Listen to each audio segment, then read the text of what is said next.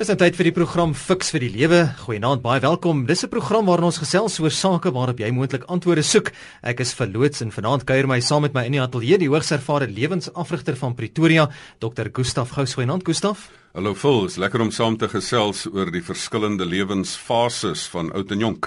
En dan ook vanaand saam met ons in die ateljee kuier Janine Trieter, jong motiveringsspreker en ook proponent in die NG Kerk wat pas haar meestersgraad in teologie verwerf het. Goeienaand Janine. Goeienaand Phil, so lekker om met julle te kan gesels vanaand. En jy as luisteraar kan gerus oudergewoonte saamgesels. Jy kan 'n SMS stuur na 34024. Onthou SMS se kos R1. Ons e-posadres, jy gaan na ons webblad, dis nou rsg.co.za en so kan jy jou e-pos stuur aan die ateljee.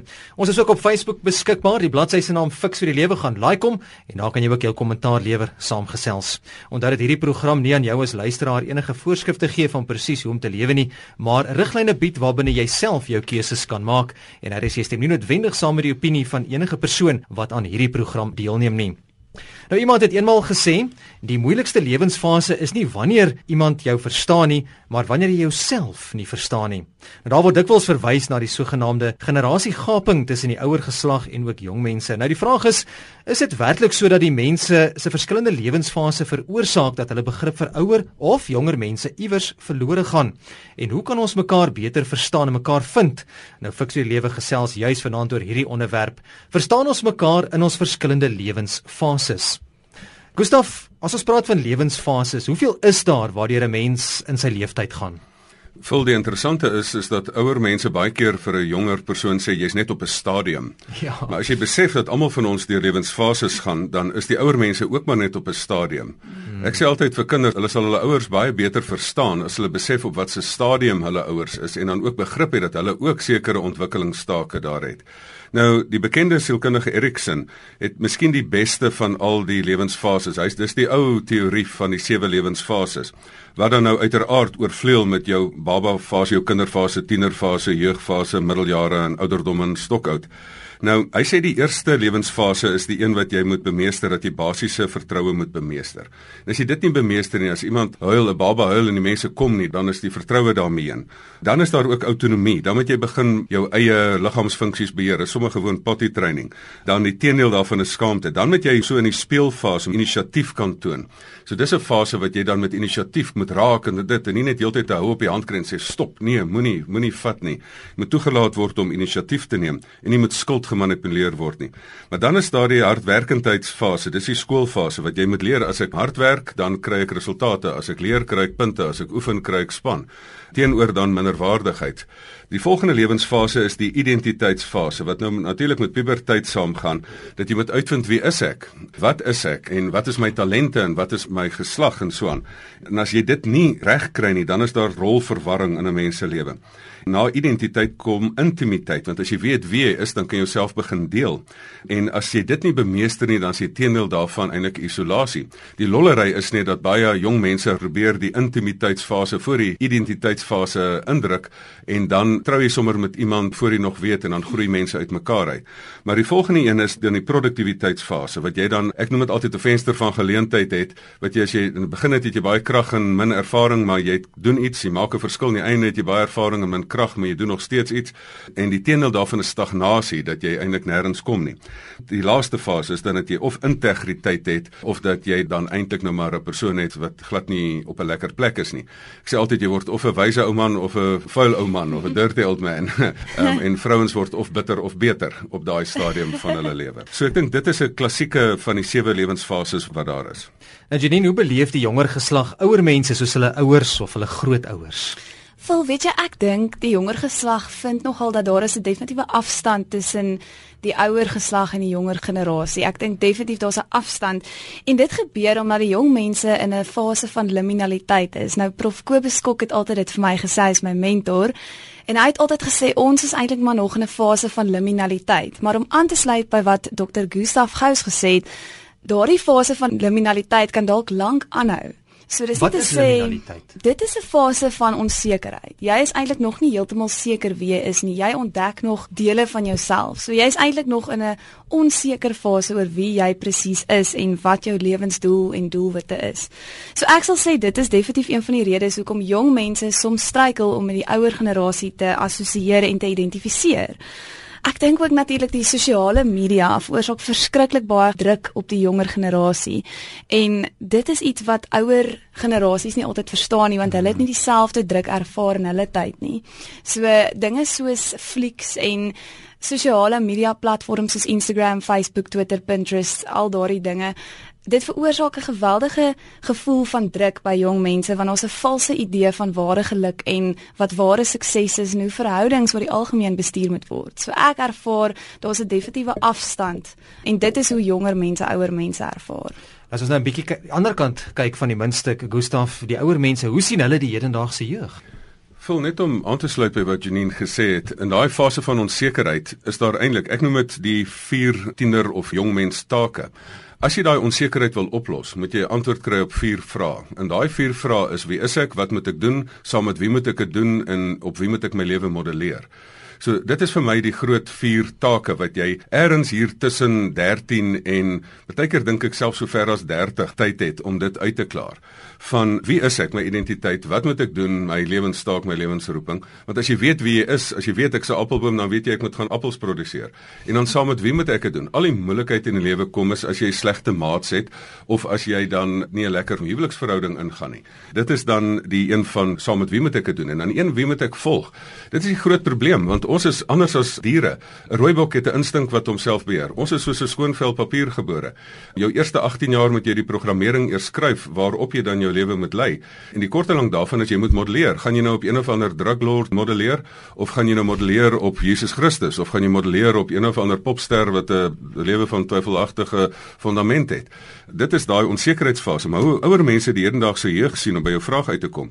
Dis nogal baie interessant. Hulle kan dit met twee oë kyk. Of met 'n kritiese oog en dit is waar daar 'n probleem kom of met 'n tipe van 'n wederwysige waardeontsluitingsoog. Nou wat bedoel ek nou daarmee? In die maatskappye sien ek dit ook. As baie keer dan kom hierdie jong ouens na werk, hulle dan dink hulle dis rassespanning in 'n maatskappy. Dan is dit eintlik die generasies, dan is dit eintlik die 50-jariges wat nie lekker met die 25-jariges kan saamwerk nie, want hulle het hierdie verskillende generasies. Of jy nou 'n sogenaamde baby boomer is wat so hardwerkend is en in zero defek glo en die jonger generasie glo in failing forward dat ek mag foute maak. Ek gee nie ek maak 'n fout nie, ek leer net uit my foute uit. Dis soos mense televisie of 'n rekenaarspeletjie speel, jy maak 'n fout en gaan aan. So daar's totaal verskillende oë. Ek dink die belangrike is dat 'n mens mekaar moet kyk, dat jy moet met mekaar met 'n oog kyk van selfs in families ook. Dat jy nie 'n kritiese oog sien man, jy is anders as ek, ek is reg, jy's verkeerd nie.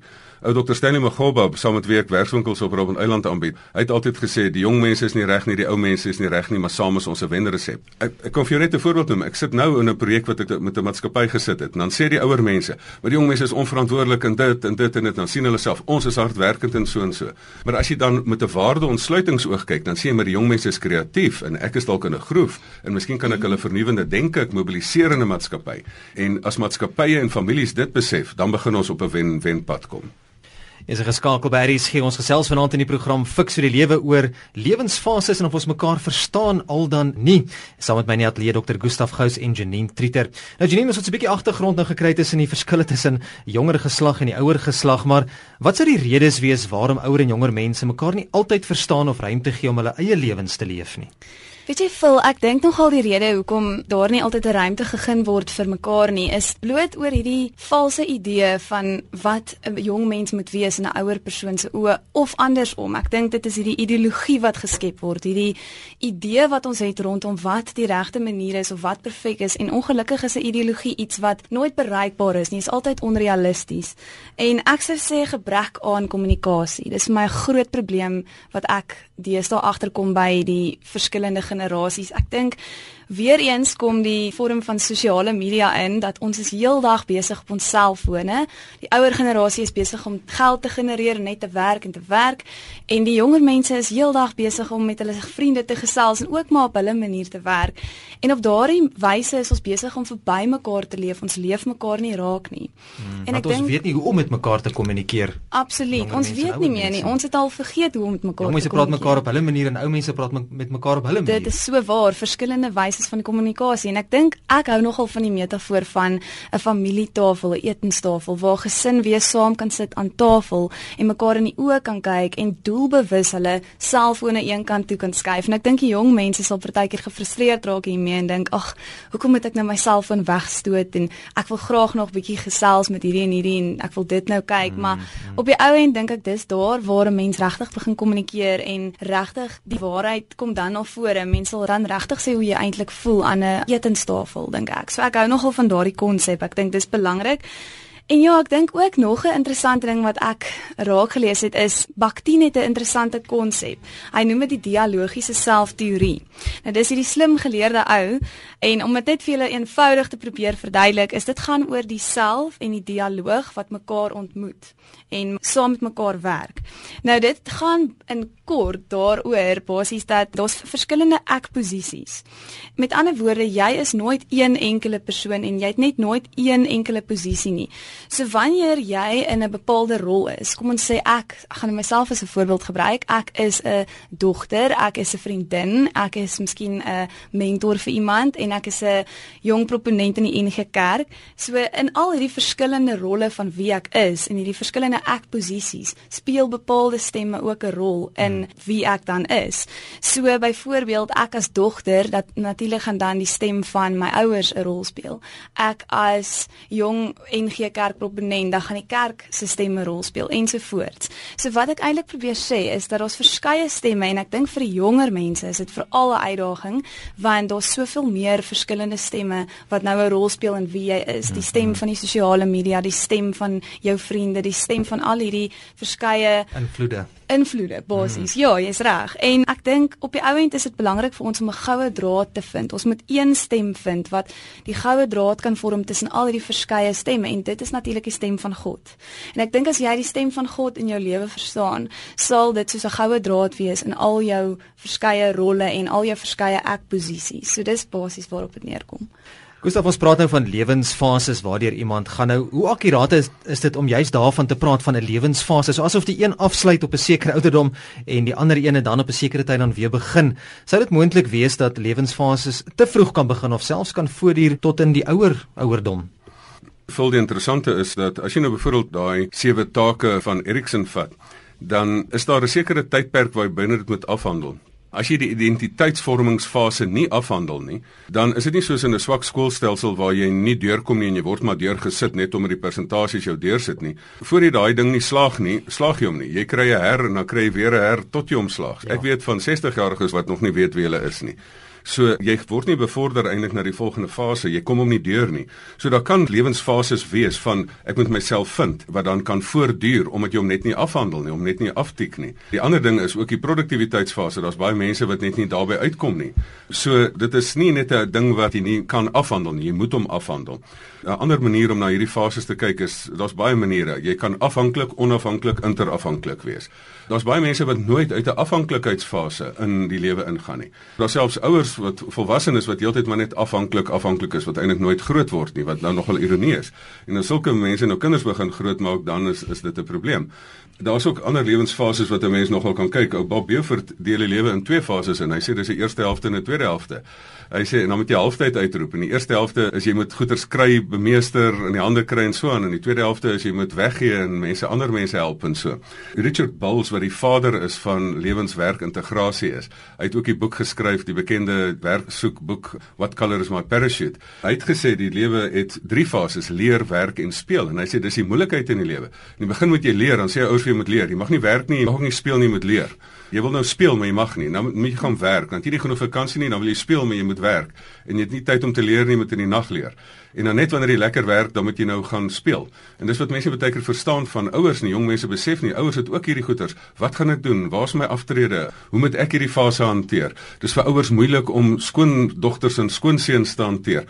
Jong mense is baie keer so selfsugtig dat jy net dink is net ek wat deur my fases gaan. Ons besef nie ouers gaan ook deur hulle fases nie. En hulle het ook take nie. Om af te sluit, die beste om hierdie fases te sien is eintlik take wat jy moet bemeester, ontwikkelingstake wat jy moet bemeester. En jong mense moet ook besef, gun ook, verstaan ook jou ouers dat hulle ook hulle dinge het om deur te werk. Dit is moeilik om die pot aan die kook te hou. Hulle sê baie keer, onthou ons was ook vol pret geweest voordat geld maak ons so ernstig gemaak. Jong mense hou daarvan om hulle eie ding te doen om onafhanklik te wees, Janine. Hoe ervaar jonger mense hulle eie onafhanklikheid en dan ook ouer mense se pogings tot inspraak in hulle lewens? Weet julle ek dink nogal jong mense ervaar hulle eie onafhanklikheid deur aanvaar te word. Dit is my so 'n belangrike konsep aanvaarding.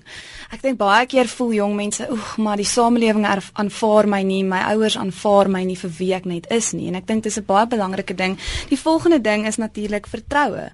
Ek dink sodra jy jou kind kan begin vertrou, dan wys jy dat jy ver, jy het 'n stuk aanvaarding en jy gee vir hulle hulle eie mate van onafhanklikheid. So dit gaan maar hand in hand die aanvaarding en die vertroue wat jy in hulle moet hê.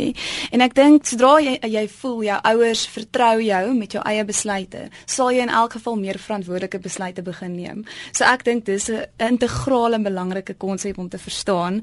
En um, ek stem heeltemal saam met Gustav dat die hele ding van selfsug kom baie in. Ons ontmoet mekaar nie altyd in die middel nie want 'n mens dink net aan jouself. So ek dink albei partye moet daaraan werk om jouself in die ander persoon se se skoene te plaas. En ja, ek dink bloot deur jou kind se uniekheid te vier, is dit baie dis 'n so belangrike ding. Ek dink ouers vergeet soms jy wil dalk hê jou kind moet hierdie ideologie aan voldoen of hierdie spesifieke ding wees, maar soms moet jy net gaan dit wat jy nie gemaak het in die lewe. Ja, ek dink baie keer is ouers ongelukkig. So ek sien dit baie in jong tieners ook, veral ja. in tieners.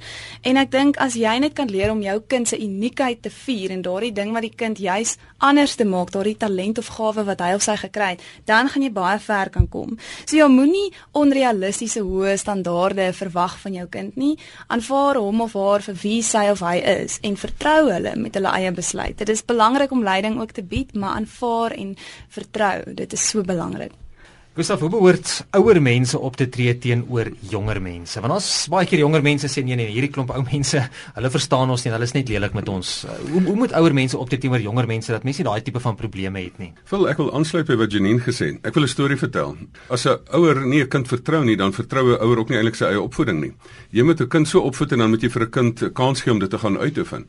Een storie het my verlede uit. Ek was 'n standaard 4, seker nou graad 6 seun. Na's hierdie skooltoer in hierdie trein af Kaap toe en met die boot Durban toe en met die vliegtuig die eerste 737 in Suid-Afrika terug hiernatoe. En op gaan op hierdie toer en ek is opgewonde. En um, my pa is 'n dominee en hy het 'n baie lekker kamera gehad, maar dit was sy baie spesiale ding. En hy sê vir my, ek sal sy kamera kan sorg. Ek sê pa, maar dis aan pa se. Hy sê maar ek vertrou jou. En hy wys vir my hoe die ding werk en daai het my nog daai film so insit wat ja. jy nog so draai en so en hy wys vir my alles.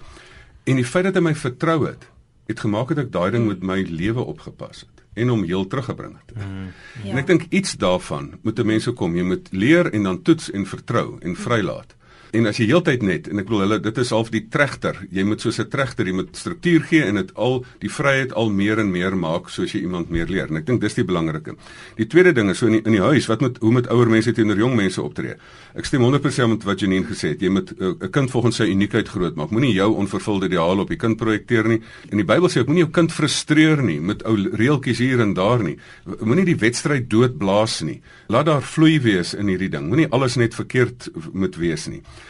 En dan ook by die werkplek is dit baie belangrik dat jy waardeontsluiting moet maak. Ouer mense moet ook vir jong mense gaan sê. Nou as ek na daai lyste kyk wat ek in my werkseminare sien wat ek mense help met hierdie generasie stories. Die ouer mense is baie keer rigied en nie energiek nie en so aan. Die jonger mense het baie keer nuwe wysheid, nuwe kreatiwiteit. Hulle is opportunisties. Hulle sien nuwe geleenthede raak. Kyk bietjie deur 'n oog van jong mense. Net soos ek deur 'n klein kind se oë in 'n in die wêreld kyk en sê maar hulle sien dinge op 'n nuwe manier raak. Kyk bietjie of jy nie uit jou groef uit kan kom. Nie net dat jy ander mense leer nie, maar sit ook met 'n leerbare gees daar dat jy iets by jou kinders ook kan leer. Hmm. Dit gaan jou next level toe vat. Ek weet jong mense Janine verwag baie van ouers en uh, sê ja maar die ouers mense moet eerder dit of dat doen. Watter van daardie verwagtinge is daar wat jonger mense het van ouer mense? Wat verwag hulle van ouer mense en en word daaraan voldoen? Wel, ek stem eersins so saam met Dr. Gustaf Gous oor hierdie hele idee van 'n gees van leerbaarheid. Dit is so belangrik dat die ouer mense dit moet hê. Ek sal definitief daarbey aansluit en sê ek dink jonger mense verwag van ouer mense om 'n gees van leerbaarheid te hê. Absoluut. Hmm. Ehm um, hulle moet oop wees vir nuwe denke en hulle moet bereid wees om te leer by die jonger mense en nie net vanuit 'n perspektief kom van hulle weet alles nie. So dit is belangrik. Ek sal ook sê egtheid is belangrik. Ek dink baie keer het ouer mense hierdie idee van of ouers het hierdie idee van ek moet nou die perfekte ouer wees. Ek moet 'n voorbeeld stel vir my kind. Ek moet perfek wees. Ek mag nie vir die kind vertel van al my eie sondes en my eie foute nie. Ongelukkig. En ek dink en as jy net eg is oor wie jy is teenoor jou kind, gaan jou kind in elk geval soveel beter met jou kan assosieer en dit gaan eintlik 'n baie gemaklike verhouding dan kan wees. Ek dink dit is nie nodig vir jou om die perfekte ouer te wees nie. 'n Volgende ding wat belangrik is is ek sou sê om regtig net volledig jou aandag aan hierdie kind te kan gee. Ek dink kinders verwag aandag. Jy kan vir die kind alles bied, maar as jy nie net daar is vir hulle en jou tyd vir hulle kan gee nie, kwaliteit tyd. Dit is nie altyd nodig om kwantiteit tyd te gee nie, maar net kwaliteit tyd. So die hoeveelheid ure is nie altyd so belangrik soos daai kwaliteit uur wat jy het met jou kind nie.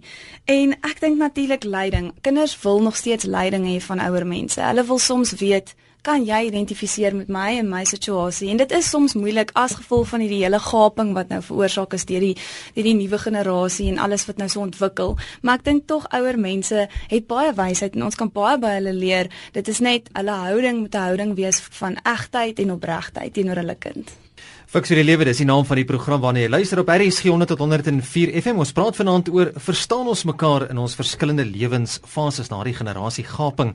My gas is Dr. Gustaf Gous en Janine Trieter en ons is ook op Facebook beskikbaar. Die bladsy Fiks vir die lewe, gaan like hom gerus daar of stuur 'n e-pos deur middel van ons webblad rsg.co.za. Gustav, watter rol speel sosiale omstandighede soos belangstellings, aktiwiteite, verhoudings, beroepsomgewings ensovoorts by oud en jonk in die beter verstaan van mekaar? Om mekaar te verstaan en saam met mekaar te leef en mekaar op die regte manier op te vryf is nogal 'n moeilike ding. Sê nou maar die ouers dit self nog nie, hulle lewens bemeester nie. As jy gebore word in so 'n ouer huis, dan is dit nogal 'n probleem want hier sit ouers hulle is besig nog om hulle self te vind en ek sien baie keer in die spreekkamer dan is die twee mees volwasse mense in die vertrek is die twee kinders en nie twee die twee volwassenes nie. Aan die ander kant kan jy ook praat van die dit is interessant Gladwell en van die ander skrywers praat nogal daaroor oor die geluk van die baarmoeder dat waar jy nou ook maar gebore word. As jy nou maar toevallig hier gebore word en jy word soos my dogtertjie sê uitgebore in hierdie gesin en jy het hierdie ongelooflike ondersteunende ouers en dis meer. Ek bedoel dit gaan tog vir jou help om 'n goeie selfbeeld te bou. Dit gaan tog vir jou help om jou talent vroeër te slyp. En dit is hoekom daar ook 'n baie groot saak is dat 'n mens moet waar kinders dit nie het nie met ander mense wat die geleenthede het, uitreik en vir mense gelyke geleenthede gee en vir hulle probeer opvoed en vir hulle onder hulle vlerk neem en in dis meer. So hier sit 'n mens met 'n baie moeilike situasie. Jy kry 'n baie groot stikkindheid in hierdie hele ding. Dat die ouers wat sogenaamd die opvoeders moet wees, self hier koers kwyt en dit stel selfs 'n slegte voorbeeld.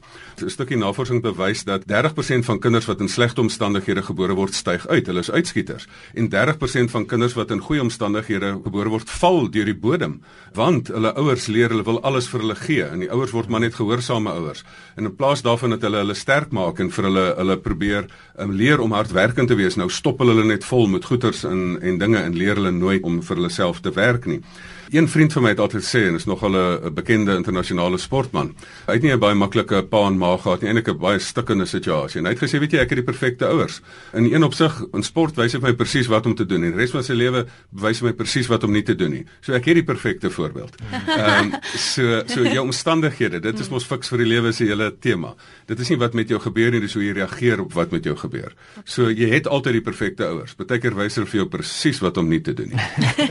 en dan leer 'n mens daai Janine, hoe behoort jonger mense op te tree wanneer hulle meen dat die ouer mense hulle nie verstaan nie? Dis seker 90% van die gevalle van jong mense meen die ouer mense verstaan hulle nie of aanvaar hulle nie soos hulle is nie. Vol, weet jy, ek dink jonger mense moet maar net bietjie geduld beoefen. Haal diep asem, tel tot 10 en wees baie eerlik. Wees eerlik oor hoe jy voel. Ook hê net 'n bietjie innagnemendheid in jou en geduld. Dit is eenvoudig my antwoord. Kort en kragtig. Gustav wil ook daarbey aansluit?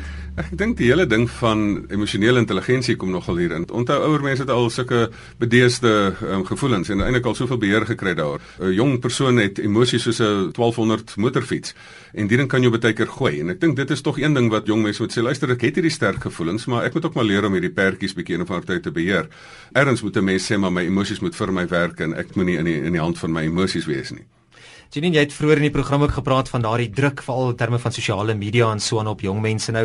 Is 'n vraag vir Gustav vir jou en vir Janine. Uh, Janine, kom ons begin by jou. Watter rol speel prestasies by die jong mense, maar selfs ook van die ouer mense in die vind van jou eie identiteit? Vol, hierdie is my so 'n relevante onderwerp. Ek wil eersins praat van die siklus van genade, iets wat ek onlangs ontdek het en dit het my vreeslik baie gehelp in my eie lewensverhaal. Dit bevat 4 stappe. Die eerste stap begin gewoonlik by sukses. Ons jong mense sal miskien dink, ek gaan sommer my eie lewe as 'n voorbeeld gebruik. Ek het hierdie titel nodig of ek het hierdie ding nodig, hierdie graad, um, ek my graad slaag met lof ensovoorts. So ek het al hierdie prestasies nodig om uiteindelik sukses te bereik. Ek moet soveel geld verdien, ek moet 'n nommer 8 rok grootte dra, ek moet baie spiere hê, ek moet 'n awesome ou hê, wat ook al dit mag wees. So dit is nou jou eerste fase van sukses. Dan sal 'n mens baie keer jou status koppel aan jou sukses. Dis die tweede stap. So dan sal jy sê ek is nou baie belangrik en ek is nou aanvaar, ek word nou aanvaar omdat ek baie suksesvol is. So dis my nuwe status. En dan het 'n mens 'n stap van volhoubaarheid. Nou die volhoubaarheid is wanneer jou verhouding met God inkom. So dit is wanneer 'n mens dan 'n verhouding met God het, maar ongelukkig in hierdie siklus is die volhoubaarheid eerder 'n geval van God word eerder net gebruik vir 'n wenslysie. So jy sal na God toe gaan en sê, "Ag Here, gee tog net asseblief vir my hierdie en hierdie en hierdie." En jy vra net vir God en hy moet net gee en jy moet net ontvang. Die laaste stap is dan aanvaarding. Dan sal jy uiteindelik voel voel dat ek word nou aanvaar omdat ek die nuwe BMW wat ook al model ry, jy weet, so op die ou end word jou aanvaarding bepaal deur jou prestasie. Hmm. Nou die siklus van genade is egter heeltemal omgekeerd. En genade is 'n geskenk wat ons ontvang het. Dit is nie net iets wat 'n mens ligtelik moet opneem nie, ons moet regtig erns maak met wat ware genade is. Nou hy gaan anders te om. Eerstens word jy aanvaar. Jy word aanvaar deur God net omdat jy sy kind is. Jy is op 'n wonderbaarlike wyse geskep. Tweedens is dit dan volhoubaarheid. Nou sal jou verhouding met God drasties verander want jy sal eintlik met God kan praat oor alles in jou lewe. Dit sal nie net 'n wenslysie wees wat jy vir God gee nie, maar jy sal met hom kan praat oor jou teleurstellings en alles wat fout gegaan het en verkeerd gegaan het, sowel as die goeie dinge. So God word totaal en al belangrik vir jou. Jy word totaal en al afhanklik van God dan uiteindelik verkry jy 'n nuwe status en dan besef jy dis nie nodig vir my om heeltyd aan die wêreld se standaarde te voldoen nie. Dan sien jy jouself en ander deur God se oë. Die laaste stap is dan sukses en dit is iets wat ek koppel aan Filippense 2 vers 13 wat sê want dit is God wat julle gewillig en bekwam maak om sy wil uit te voer. So uiteindelik besef jy, jy is net 'n instrument van God. Jy hoef nie eintlik enigiets uit jou eie te doen nie, hy help jou. So dit gaan nie oor my nie, maar dit gaan oor God. So die fokus het drasties geskuif. So ek sou sê dit is die siklus van genade en dit het my vreeslik baie gehelp in die verstaan rondom prestasies in die samelewing. Gustaf Voel dis eintlik fantasties wat Janine sê want in die wêreld wat sy beweeg, ook die skoonheidswêreld, is hang alles so van daai titels af en dan eendag wen jy en eendag wen jy nie en as jy jou identiteit daaraan koppel, dan het jy maar op en af lewe. Ja. Maar as jy 'n dieper gevestigde identiteit het, is dit fantasties. Wat sy sê sluit presies aan by wat die sielkundige Erich Fromm al in die middel van die vorige eeu gesê het.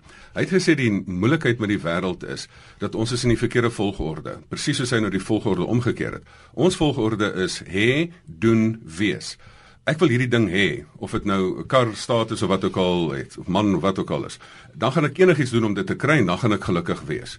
En die probleem is as jy nooit gelukkig nie so ek koppel my identiteit aan wat ek het en in wat ek doen jy vra mos altyd vir iemand wie is daai persoon en sê dis die ou met die plaas of dis die ou met daai besigheid nou is dit 'n nice ou met daai besigheid ek bedoel wat 'n persoon is dit toe sê Erik Vrom dis die pad van die dood daai Hy sê jy moet dit omkeer. Jy moet vra wie is ek? Wat is my ware identiteit? Ek is 'n mens. Ek is 'n persoon wat geneig tot kwaad, maar ek is 'n herstelde mens. Ek is iemand met potensiaal. Ek is ek het hierdie talent. Ek is 'n appelboom. Wat moet jy doen? Ek moet appels produseer. Wat gaan jy kry? Geld vir jou appels. Broer Moeder Teresa was 'n klassieke voorbeeld daarvan. Ja. Wat was sy? Sy's 'n ou tannie met 'n hart vol liefde. Dit was is wat sy is. Wat doen sy? Daar gee sy liefde. Wat kry sy? Daar kry sy alles wat die hele wêreld so na soek. Faam, Almal weet wie sy is. Geld, Nobelprys is baie geld. Sy kry al daai goeders. Daar's twee tipes mense op aarde. Mense wat in hierdie ou patrone van hê doen wees en hulle is nooit gelukkig nie. Nou selfs een of twee mense en ek wil nie name noem nie, maar wat groot sportsterre in die wêreld wat alles gehad het. Ek wil as jy 'n groot sport of tenniskampioen is, hoekom sê jy dan 'n selfmoordpoging hê? Want as jy agterkom ek het alles en ek kan my vingers klap en enigiemand gaan met my in verhouding tree en ek het huise op 5 kontinente en ek is nog steeds ongelukkig, dan besef jy nou is die wêreld leeg. Hmm. So die punt wat jy moet kom is wie is ek diep in my wese? Ek is hierdie persoon, 'n appelboom, en dan produseer ek appels. Janine is reg dat ons hierdie volgorde moet omkeer. Nou daarvan gepraat Janine, um, ons is nou 'n jonger generasie en 'n ouer generasie. Ek hoop julle gee omdat ons dit so noem vanaand hier in die ateljee nie. Gustav, is jy die jonger generasie? Um, ja, van ek bedoel jy is nou weet. Wie is nou die ouer generasie? Ek voel so jonk maar. Sien ek al ek is baie slim ek hou myself hier uit. Ek het nee, al so baie pyn en skete, ek voel al oud. nee, dan sê ons 'n ouer mens is as jy afbuk, nee. Die definisie van oud is dat jy terwyl ek nou hieronder is, wat kan ek nog hier doen? Janine, watter raad kan jy nou as 'n jong mens aan ouer mense gee om die jonger generasie, jonger geslag beter te kan verstaan? Weet julle, nommer 1, aanvaar hulle weer eens, aanvaar hierdie jong mense. Besef dat daar's 'n hele nuwe, dis 'n hele nuwe spel met baie nuwe spelreëls. So daar's nou iets soos 'n kuberruimte, daar is bullying op 'n hele nuwe vlak. Besef net dat jy gaan nie altyd kan assosieer met hierdie jong mens nie, maar ek dink deur bloot net aanvaarding te bewerkstellig is jy op die regte spoor. Ek sal ook sê ek koppel weer eens 'n Bybelvers hier daaraan, 1 Timoteus 4 vers 12. Niemand mag op jou neersien omdat jy jonk is nie, maar wees jy vir die gelowiges 'n voorbeeld in woord en gedrag, in liefde, geloof en reinheid. So daarom ek dink baie keer kom 'n mens vanuit 'n perspektief van ek is alwetend of ek is 'n ouer, ek is meer ervare. Partykeer is dit belangrik om nederig te wees vir hierdie jong mens en regtig weer eens 'n gees van leerbaarheid te hê en te besef dat hierdie jong mens mag dalk 'n baie groot verskil in jou lewe ook maak. So ehm um, Ek sou sê dit is praktiese vinnige raad hoe om jong mense eintlik beter te verstaan. Gustav nou as die ouer generasie hier in die ateljee. Is dit moontlik dat uh, dat ouer mense iets het om vir jonger mense te leer in terme van volwassenheid, besluitneming, hantering van krisisse? Wat moet ouer mense, die ouer generasie doen? Vol natuurlik kan 'n mens vir mense iets leer want jy het 'n ervaring, maar jy moet net nie die fout maak om jou ervaring op die ander mense toe te pas nie want hulle sit in 'n nuwe lewensfase. Hmm. Daar's 'n keuse van twee maniere. Jy kan heeltyd met 'n kritiese oog kyk en sê ek is reg en jy's verkeerd en dan maak mense die oorlog van generasies of jy kan sê ek het goed om by te dra en, en jy het goed om by te dra. Vir my is die belangrikste dat jy in families kan sê maar luister ons is vir mekaar gegee om mekaar te help om ons lewensdoele te ja. bereik. En dat die grootste geskenk wat ouers vir jong mense kan gee is 'n sterk selfbeeld. Dit is dat jy daai persoon bevestig en sê maar jy het jy het onverwaarlike aanvaarding en ek aanvaar jou soos jy is. Maar natuurlik moet 'n kind dan ook riglyne nodig met vryheid. Dit is soos rugby, daar's 'n grens, buite die grens moet daar duidelike riglyne wees, maar jy moet vryheid hê om jou jou eie foute te maak en te leer uit jou ou foute uit. En dat jy nie dan totaal veroordeel word as jy dit doen nie. So ek dink die heel belangrikste is is dat ouers ook nie net sommer net respek moet verwag net omdat hulle ouer is nie. Dis nonsens. Natuurlik moet jy jou vader en moeder eer, dis op 'n ander manier. Jy kan ook jou vader en moeder eer al het hulle aards droog gemaak. Ek het vriende wat dit gedoen het, sê ek verwerp nie my ouers nie, maar nog steeds, hulle het droog gemaak en ek respekteer die persoon as 'n kind van God, maar ek respekteer hierdie persoon nie vir vir die dade wat daar was nie. So natuurlik moet 'n ouer ook nie net respek om as gevolg van ouderdom verwag nie. Jy moet daarom ook vir jouself bietjie wys en sê maar luister, is dit lekker om met my saam te leef? Verdien ek hierdie respek en en dies meer? Genini tyd haal ons in net so vinnig. Wat kan jong mense aan ouer mense bied op hierdie reis deur die lewe? Het nou gepraat van alles wat so vinnig ontwikkel. Ja, vol jong mense bied definitief 'n stuk naïwiteit. Jong mense sien nog die lewe as wonderlik en gewoonlik, soos wat ek jong mense ken, sien ons die glas as half vol eerder as half leeg. So ek dink daai stuk naïwiteit is belangrik. Positiwiteit en opgewondenheid. Jong mense het nog hierdie energie van ek wil die wêreld verander en ek dink dis iets positief, iets wat ouer mense definitief by jonger mense kan leer. Kom ons sluit af van ons vat vandag se gesprek saam. Ons het 'n bietjie gesels oor daardie verskillende lewensfases en hoe ons mekaar moet verstaan juis in terme van die verskille. Nou, Gustaf en Janine samevattend, hoe kan ouer en jonger mense, wat kan hulle doen om mekaar beter te verstaan? Voel dat ouer mense moet besef hulle was daar en jonger mense moet besef hulle gaan daar wees. Albei gaan dieselfde fases deurgaan. Hoekom help ons mekaar nie om hierdie fases deur te gaan nie? Ek spotenderwys het ek altyd 'n kursus wat ek sê vir kinders, how to raise your parents. Maar dat 'n mens dan ook begrip het vir jou ouers en sê luister ek verstaan ook is vir hulle nie altyd maklik om nagte deur te werk en dies meer nie. Die heel belangrikste is dat 'n mens moet nie met 'n kritiese oog na mekaar moet kyk nie, maar met 'n waarde ontsluitingsoog dat jy gaan sit en sê wat kan ek by my ouers leer dat ek terwyl ek hulle het soveel as moontlik by hulle leer. Dis 'n totaal ander verhouding dan hoef hulle jou nie heeltyd te teach en jy gebruik hulle om te sê hulle moet my help in die lewe. Dat jy na jonger mense kyk en dat jy kan sê maar luister gaan hulle nie dalk vir my 'n bietjie vernuwing bring nie. Sit en probeer met mekaar se oë na die wêreld kyk. Besef almal is op 'n stadium en kom ons help mekaar deur ons lewensstadium. Kan ek nog inskryf as dit te laat vir daardie kursus? Hou toe reis. Janine van jou kant af. Dit is belangrik om te weet dat die tyd met die ouer generasie is kosbaar. So ja. geniet elke oomblik saam met jou ouer of wie ook al ouer is as jy en weet net dat ons lewe is kort. So mens moet eintlik regtig regtig elke liewe oomblik wat en ek sou sê ontmoet mekaar in die helfte. Dis baie belangrik. Tyd het ons ingehaal. Kom ons kom by die kontakinligting uit. Baie dankie ouer gewoonte aan my gaste vanaand op Fix vir die Lewe Dr. Gustaf Gous en ook Janine Trieter. Gustaf, kontakinligting? E-pos gustaf@gustafgous.co.za. Hulle kan ook na die Facebook bladsy toe gaan Fix vir die Lewe. Daar is dan lekker verder inligting en ons sal die kontakdetails ook daar sit. Ek het 'n Facebook bladsy, Janine Trieter, en dan my e-posadres is janine.trietermotivate@gmail.com. En ons sal daai inligting alles op die Facebook bladsy ook sit. Baie dankie. Weer eens vir beide van julle. As julle met my wil kontak maak, baie maklik vul by rsg.co.za. Volgende Sondag aand, dan kuier ons weer skuins na 7:00 in die program Fix vir die Lewe.